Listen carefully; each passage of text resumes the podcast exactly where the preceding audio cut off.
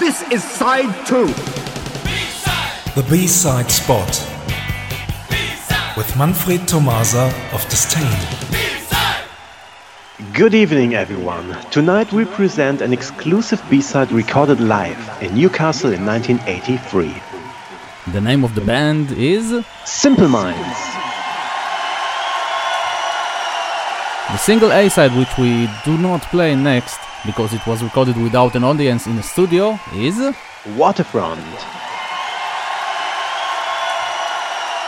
and the live B side is Hunter and the Hunted. Thanks for listening. See you somewhere in time. bye bye. Bye bye. New Gold Dream. This is called Hunter and the Hunted.